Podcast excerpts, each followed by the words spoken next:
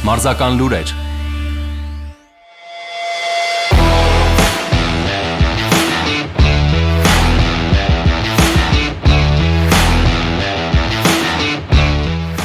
Անգլիայի Լիվերպուլ քաղաքում անցկացված սպորտային մարմնամարզության աշխարհի առաջնությունում հայ մարզիկները ցույց տվեցին իրենց ողջ ուժը։ Տոկիոյի Օլիմպիական խաղերի բրոնզե մեդալակիր, Եվրոպայի չեմպիոն, Եվրոպական խաղերի չեմպիոն եւ աշխարհի գավաթակիր Արթուր Դավթյանը հենացածքի վարժությունում եզրափակչում շրջանցեց բոլոր մրցակիցներին եւ հրճակվեց աշխարհի չեմպիոն։ Իսկ Եվրոպայի գործող չեմպիոն, աշխարհի բրոնզե մեդալակիր, Հայաստանի հավաքականի ավակ Հարություն Մերդինյանը երկրորդ անգամ դարձավ բրոնզե մեդալակիր։ Նա այս աշխարհի առաջնություն մարզությունում դարձել է ռեկորդակիր։ Հարությունը ճանաչվել է սպորտային մարմնամարզությունում 38 տարեկանում մեդալ նվաճած միակ մարմնամարզիկը։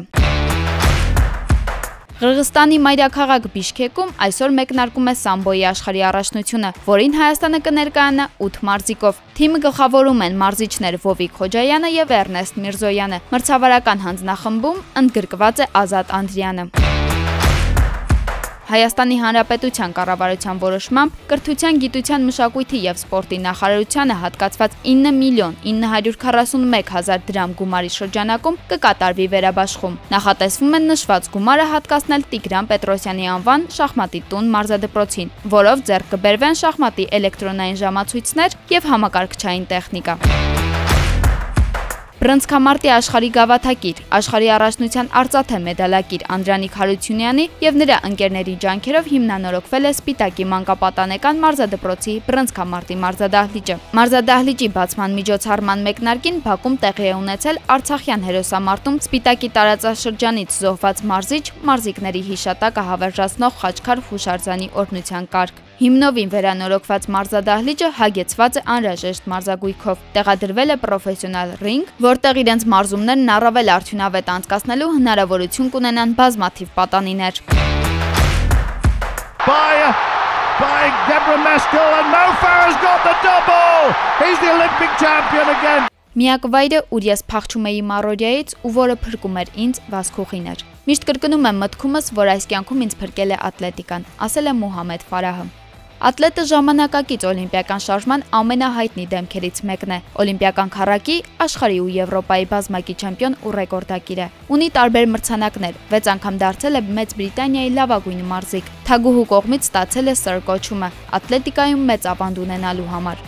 Մուհամեդ Ֆարահ անունը իրեն տվել է Միկին, ով նրան Մեծ Բրիտանիա է տարել Արևելյան Աֆրիկայից 9 տարեկանում։ Իսկ իսկական անունը Հուսեյն Աբդի Քայն է։ Կնոջ մոտ իր տարիքի մի տղայի անձնագիր է եղել, որի անունը Մուհամեդ Ֆարահ էր։ Նա այդ անձնագրում տեղադրել է Հուսեյնի նկարը եւ հանձնարարել, որ ճանապարհ ընկնելուց հետո բոլորին ասի, թե ինքը Մուհամեդ Ֆարահն է։ Այդ պահից սկսած Հուսեյն Աբդի Քայնը դարձել է Մուհամեդ Ֆարահ։ Սոված չմնալու համար նա ստիպված է եղել տնային գործերով զբաղվել եւ այդ կնոջ երեխաներին պահել։ Կինը նրան ասել է, որ եթե ցանկանում է երբևէ հանդիպել իր ընտանիքի հետ, ապա պետք է ոչ մեկին ոչինչ չասի իր ապրած կյանքի մասին։ Հաճախ նա փակվում էր լոգարանում եւ լաց լինում։ Առաջին մի քանի տարիներին նրան թույլ չէին տալիս անգամ դպրոց գնալ, բայց երբ 12 տարեկան էր, ընդունվեց տեղի Feltham College-ի 7-րդ դասարան։ Նա միանգամից կերպարանափոխվեց, երբ մտավ ատլետիկայի վազքուղի։ Լեզուն, որով խոսում էր այդ երեխան, սպորտ էր։ Հիշել է նրա ֆիզպատրաստության ուսուցիչը Ալան Ուոտկինսոնը։ Ուսուցիչը սկսում է ուշադրություն դարձնել պատանու վրա,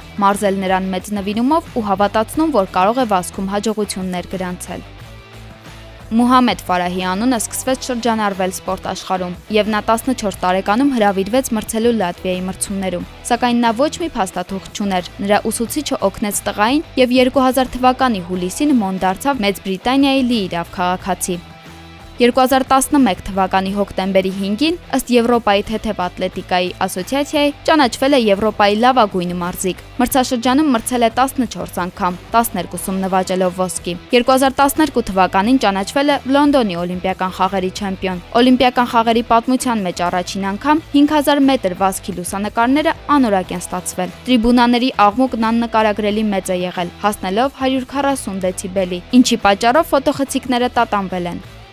Մի անգամ ռեստորանում նրան մոտենում է Միկին ու ձայներից տալիս։ Այն պարունակում էր հաղորդագրություն հատոկ Մոյի համար, ձայն, որը չէր լսել երկար տարիներ։ Ձայներիզում Ֆարահի մոր Աիշայի ձայնն էր։ Ժապավենի հակառակ կողմում գրված էր. Եթե այս զանգը կվնասի քեզ կամ խնդիրներ կառաջացնի, խնդրում եմ չկապվես ինձ հետ։ Սակայն Ֆարահը միանգամից արձագանքում է ու երկար տարիներ անց առաջին անգամ խոսում մոր հետ։